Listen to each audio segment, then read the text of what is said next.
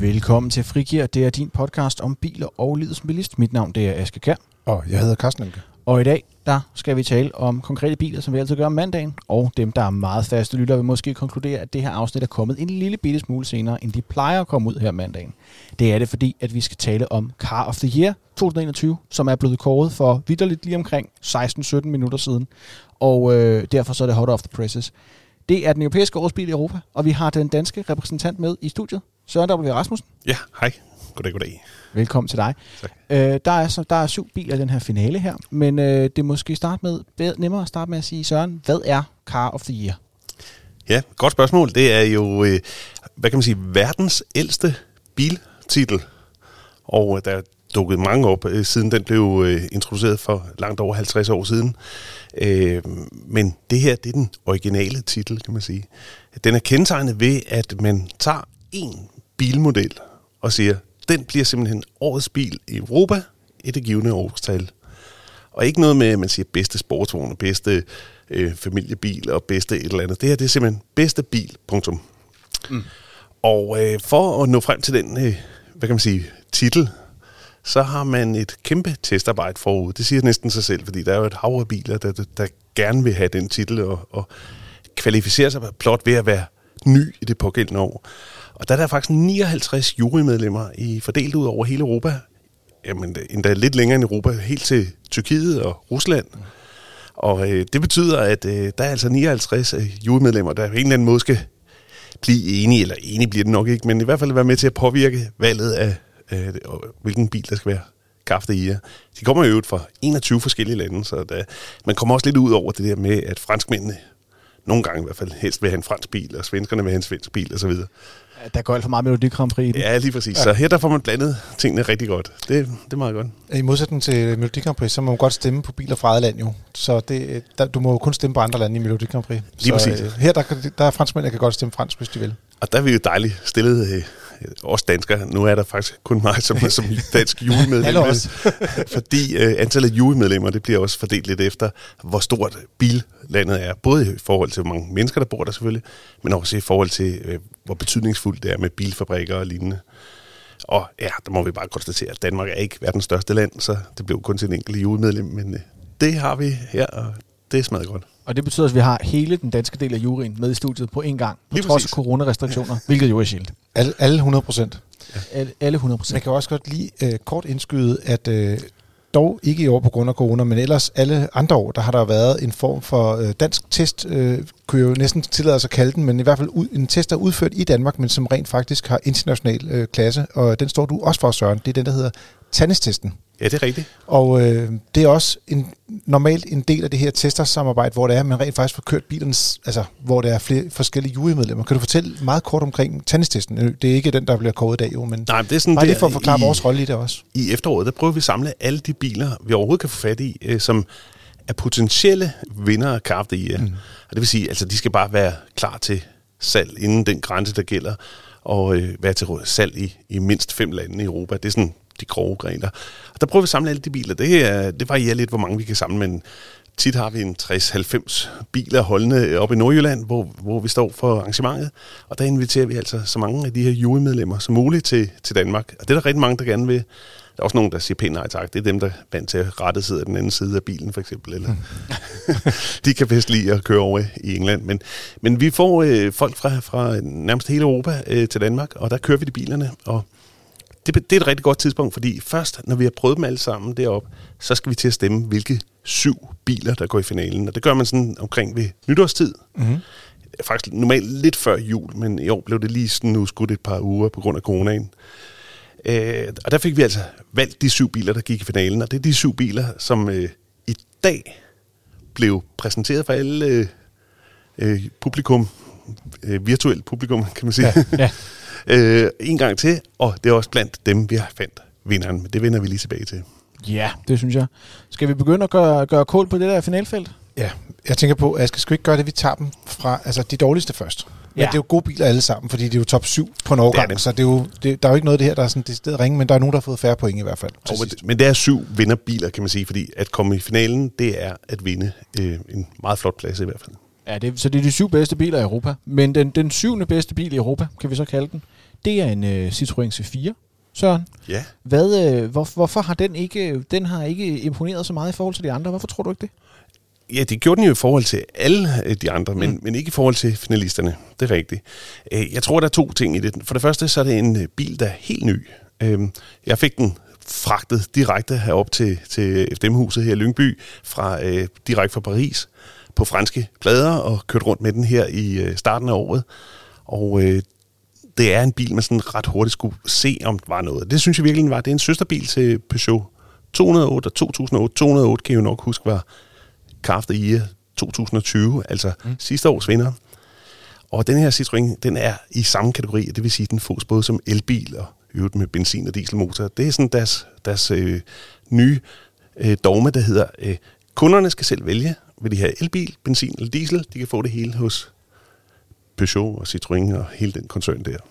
I, under den brede PSA-paraply. Ja, men det er faktisk en rigtig flot bil, og en bil, som... Øh, der var en ting, der virkelig skilte sig ud. Det hørte jeg også mange jury-medlemmerne øh, nævne.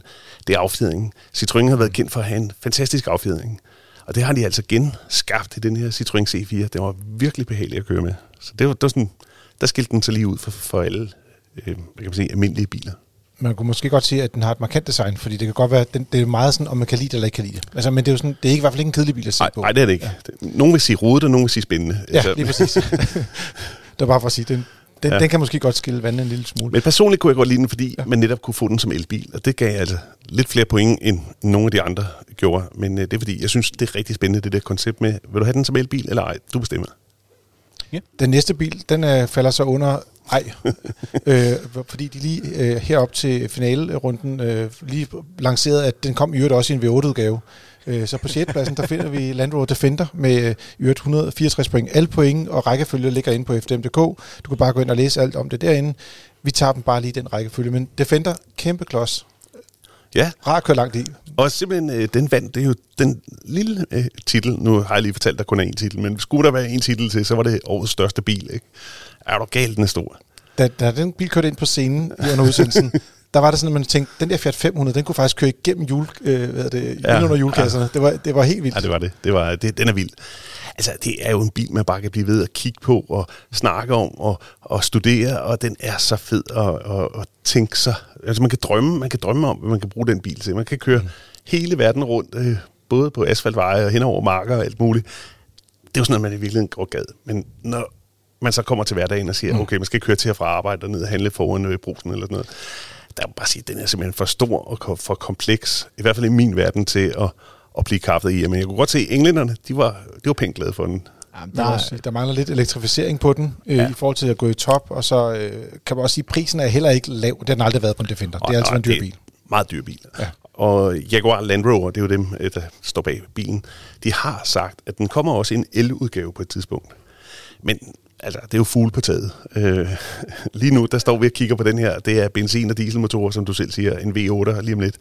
Øh, ja, måske ikke så, hvad kan man sige, moderne øh, i tidsånden det, er, det er en bil, der handler mere om at køre ud i det grønne, end den handler om at være grøn, tror ja. Jeg godt, man kan sige. Men, men du kan få den i grøn. Ja, det, det er det også. Det, det er British, British Racing Green, tænker jeg måske godt, man kan skaffe. Så grøn kan den blive. Eller Ja. Army Green. Ja, arm, ja, nå, selvfølgelig Army Green. Der er noget camo der. Den, jeg skulle fandme heller ikke nyde noget af at parkere den ude ved min lokale netto, tror jeg.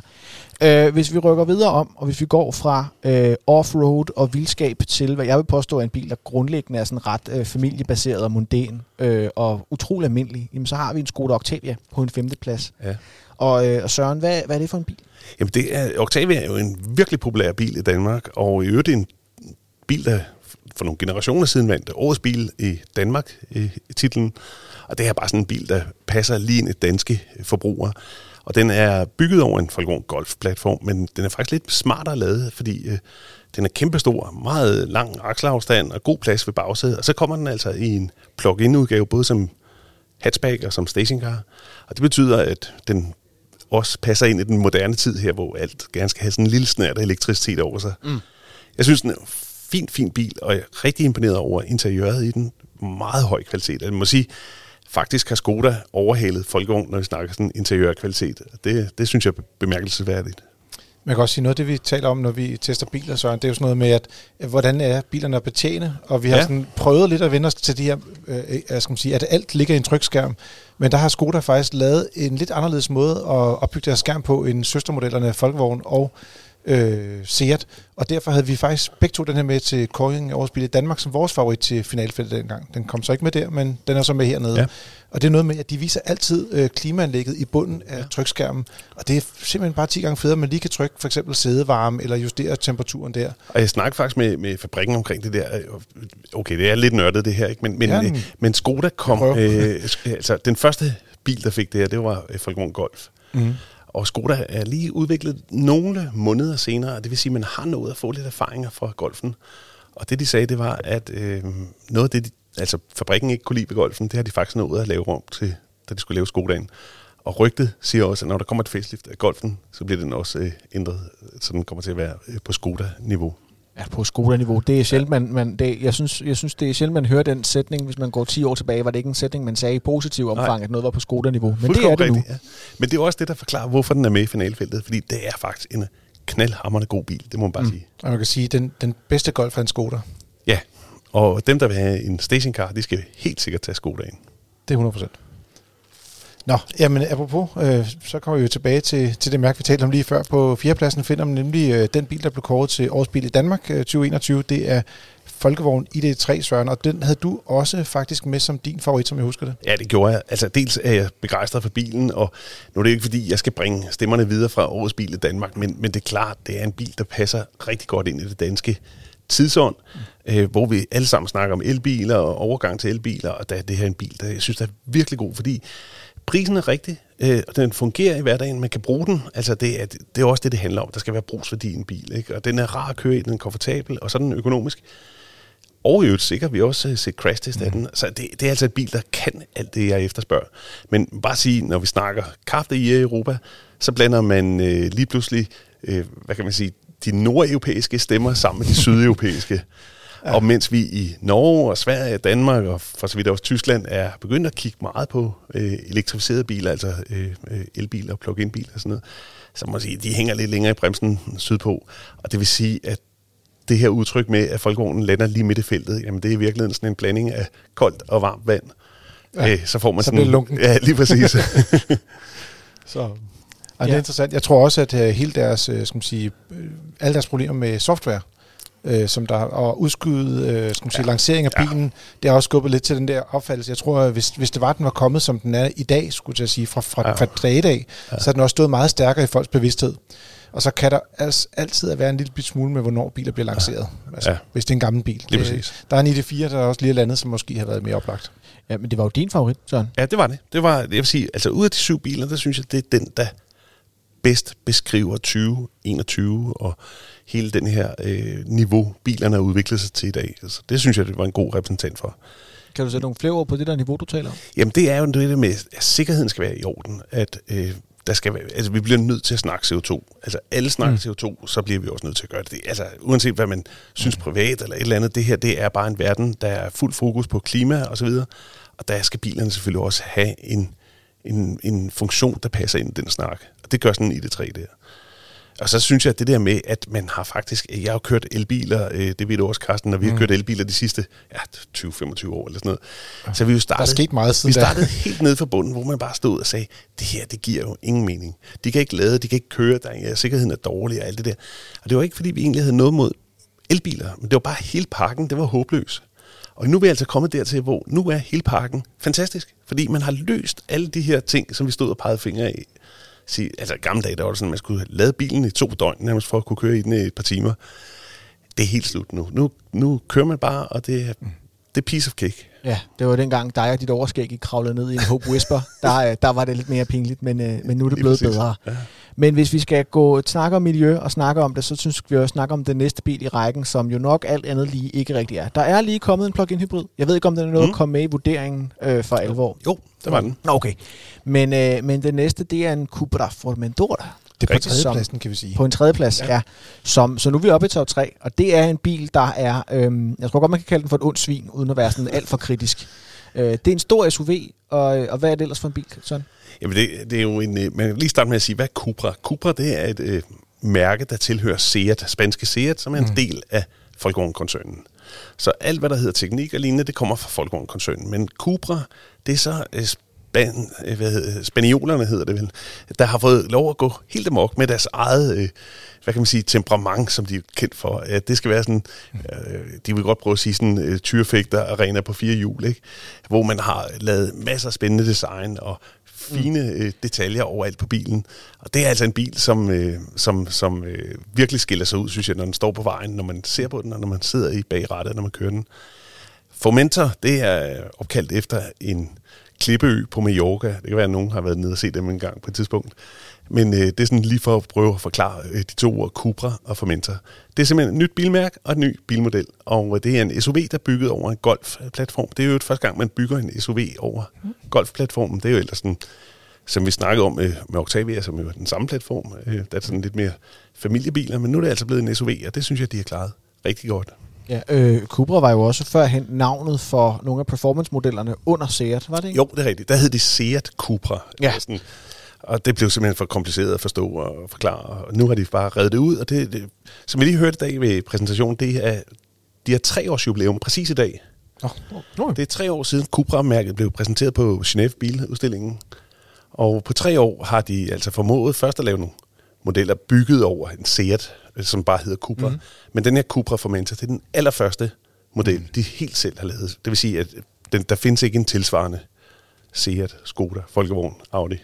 Og den er helt sin egen. De- andre har været en uh, Ateca, og, og der er jo også lige kommet en, en Cupra Leon for at gøre alting helt forvirrende. Rigtigt. Så, ja. ja, så, øh, men, men lidt interessant også det her med at, at prøve at skabe et mærke, fordi de har mange år talt om, at Seat skulle være det nye Alfa Romeo og sådan noget, og det er ikke rigtig lykkes. Nej. Det, det, den, den mission er gået fejl, ikke? Så det er ligesom om, de gerne vil bruge det her Cupra til at komme op, Ja. men også lidt spøjt at lancere, spøjt at lancere sådan et, øh, et performance-mærke i en periode, hvor alting skal være strøm. Ja, men, Altså, det, men det og- er lidt sjovt, du siger det, Ja, fordi... Det skulle jo egentlig have været elbiler, ikke? øh, jamen, det bliver det også. Ja. Det bliver det også. Øh, Cupra bliver det grønne øh, Seat. ja. Men øh, de havde, øh, de kunne godt se, at de der elbiler, de, øh, det, trækker, det trækker ud, inden de sådan for alvor får dem udviklet og klar til at bygge osv. Så, så sagde de, "Nå, men så laver vi lige nogle, nogle delvis grønne biler. Den her Formentor, den jo så som plug-in hybrid. Ja. Ja. Men vi ved, at der venter en Cupra, skal lige se, hvad den hedder, Elborn, Elborn, ja. i Som først- kulissen. Den blev vist som Seat Elborn først, men Ja, det er så en, rigtigt. en Cupra-model i stedet for.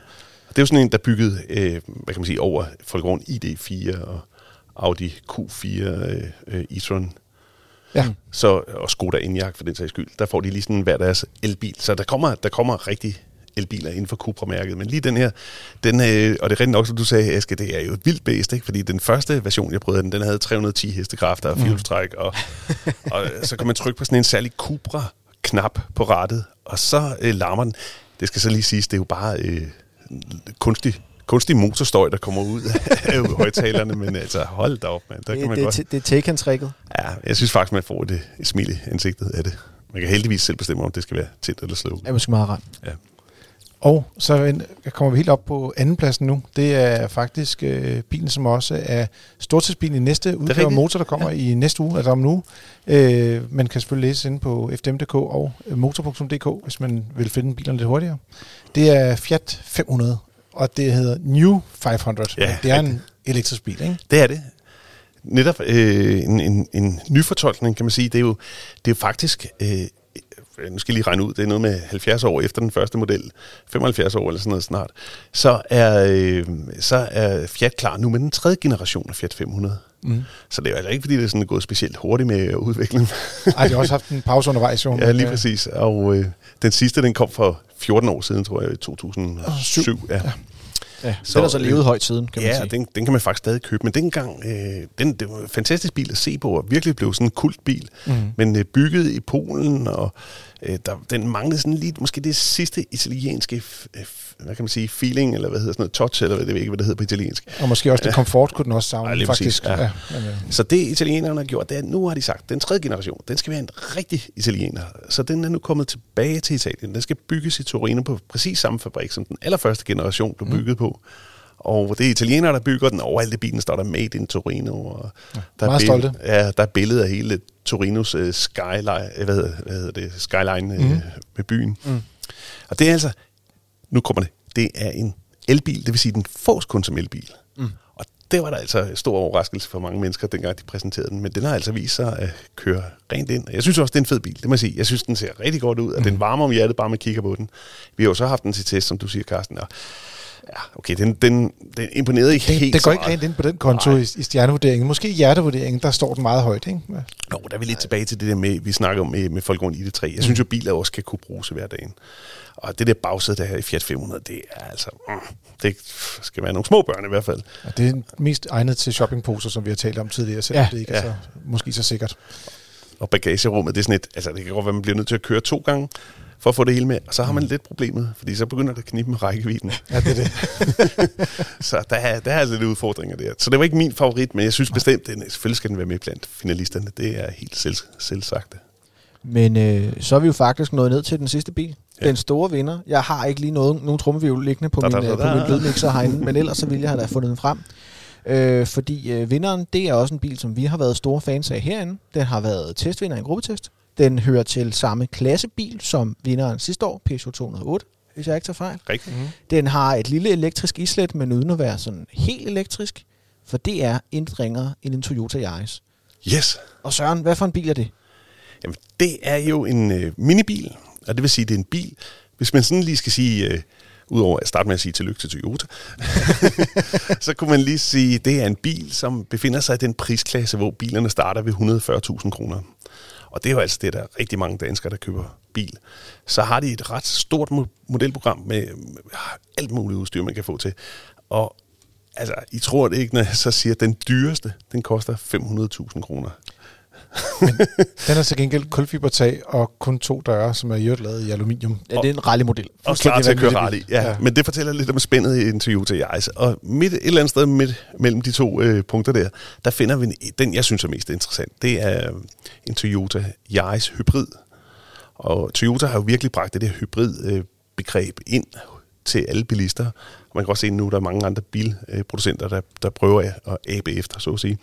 Men det gør Toyota godt. Jeg synes, de gør det rigtig godt i den nye Yaris. De har virkelig formået at skabe en bil, der er fed at køre i med, og hvor man får en høj grad af komfort. Men så har de altså formået en anden vigtig ting, det er, at de har bygget et meget højt sikkerhedsniveau ind i bilen. Mm. Toyota Yaris var den første bil, der blev testet af Euro NCAP efter den nye 2021-standard. Og det klarede den altså øh, helt formidabelt. Og det betyder, at, øh, at øh, den, den har alle de her features, som man ellers kun ser i en stor dyrebil. At der sidder mm. blandt andet en airbag, øh, der puster sig op mellem de to forsæder, så man ikke banker hovedet mod hinanden. Men det er også sådan, at selv den allerbilligste model, til, den, til 140.000, den har adaptiv fartpilot, og den har alle de sikkerhedssystemer, som, som gør den for topkarakter. Det synes jeg, det er altså smadret godt. Det er sådan en måde at demokratisere både hybridsystemerne og sikkerhedssystemerne. Og det er jo noget, vi grundlæggende er glade for i FDM. Ja, ja, det er det. Når alle modeller har højt sikkerhedsniveau, så bliver vi glade. Og det betyder også, da vi havde den her med i gruppetest i øh, ja, for et halvt års tid siden, mm. øh, så var det faktisk lige præcis Toyota Yaris, der gik ind og vandt gruppetesten. Så det her, det er en sejr, vi udmærket kan bakke op. Det var ikke den, som sagt, jeg havde som nummer et, men jeg synes, det er en virkelig god bil og en, en retfærdig vinder. Så det, ja. det vil jeg godt øh, klappe af. Hvorfor var den egentlig ikke din nummer et? Er jo oplagt at spørge. Jamen det er fordi, jeg synes jo så stadig, at vi nåede dertil, i hvert fald i Danmark, hvor vi godt vil sætte strøm til bilen også. Mm. Og Toyota Yaris kan man ikke lade op. Det er en hybridbil, men det er ikke en opladningshybrid, så man kan ikke sætte den til, til sit ladekabel. Og øh, havde man kunnet det, så synes jeg, så havde man virkelig skabt en fantastisk bil. Men så langt er Toyota ikke helt kommet med, med opladningsteknologien. De har den filosofi, der siger, jamen lad os nu, i stedet for at få nogle få mennesker ud og køre elbiler, så få rigtig mange ud og køre hybridbiler. Og det er der selvfølgelig også noget om, om den snak. Det er en, en, en mange begge små tilgang til klimaindsats. Lige præcis. Man kan også sige, at jeg sådan, i forhold til den tidligere generation faktisk er meget mere vellykket på motorsiden. Tidligere havde, havde den meget sådan en lidt anmæst motorlyd, og der, der er den nye løsning, de har fået lavet her med en, en 60 motor. Den er faktisk øh, markant bedre at køre med. Og så har vi også talt lidt omkring priser på den her bil, for det var en af de biler, den kostede 195.000, da vi testede den og øh, den så jo ud til på et tidspunkt at skulle stige Nå, over ja. 50.000 kroner i, i pris. Og der kan vi bare berolige folk med, at prisen øh, er lige en krydstjek ind på hjemmesiden for en sikkerheds skyld. Den er 210.000 for den her H3-variant, som du talte om lige før. Altså, så den, der vandt vores gruppetest? Den, der vandt gruppetesten, steg så 15.000 ja, ja, ja, i stedet ja, for ja. 53, som de havde sagt på et tidspunkt. Ikke? Så det er ikke så slemt. Altså jeg er nødt til at sige en ting, som, som jeg tror ikke rigtig mange mennesker før har sagt om en Toyota Yaris, men, og jeg ved godt, det er individuelt, men jeg synes faktisk, den er den ser hammer godt ud. Altså, det er Flot faktisk bil. en, en virkelig fed bil at kigge på. Og når man kigger på den foran, så har den altså nogle former og nogle øh, linjer, der er alt andet end traditionelle for Toyota. Ikke? Fordi man kan godt sige, uden at træde nogen over tæerne, at Toyota måske ikke været det mest spændende bilmærke op gennem øh, nullerne og tierne. Jamen, så har de også lavet en sådan en bil som en Toyota Mirai, Ja, eller som en- måske eller en- var mere japansk flot, end den var europæisk flot. Ja, Og, og, og, og der har de en eller anden, ramt en eller anden kompromis her, hvor det er, at de har fået lidt af de der japanske ja. linjer i det, men det er designet i Europa. Og Ja. det vil sige, den, den, den ser bare vildt godt ud. Og i øvrigt også, øh, det var lidt sjovt, øh, det der med Europa, fordi den bygges også i Europa. Ja. Og nogle af dem, der virkelig gav den øh, gas med at give point til Toyota, det, Toyota Yaris, det var jo franskmændene.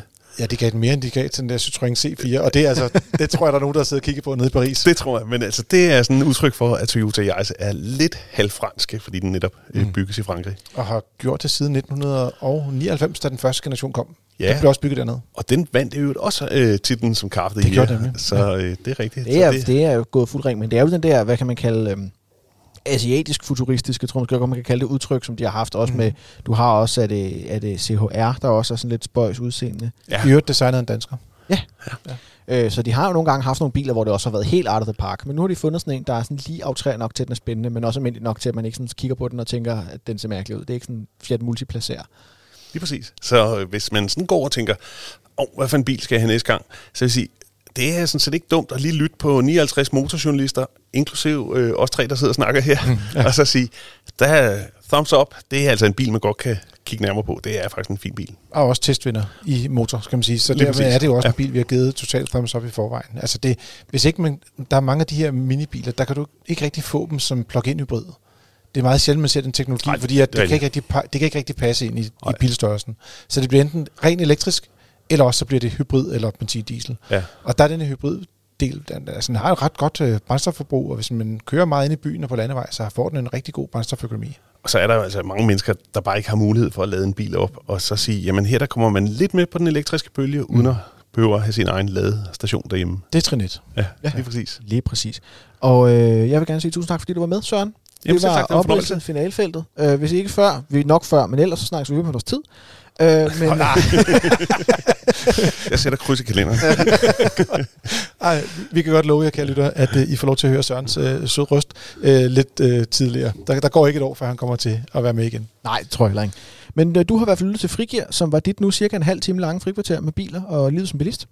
Og du må meget gerne anbefale os til en venner, smid nogle stjerner vores vej, og kaste en anmeldelse ind i en podcast-app. Hvis du har meninger om, hvad for en bil, der vandt årets bil i Europa for eksempel, eller alt muligt andet, jamen så ris, ros eller spørgsmål, så kan du sende dem til podcast i en god gammeldags e-mail. Det ved man, hvad er. Og ellers så vil jeg bare gerne sige tak for denne gang. Og god tur derude.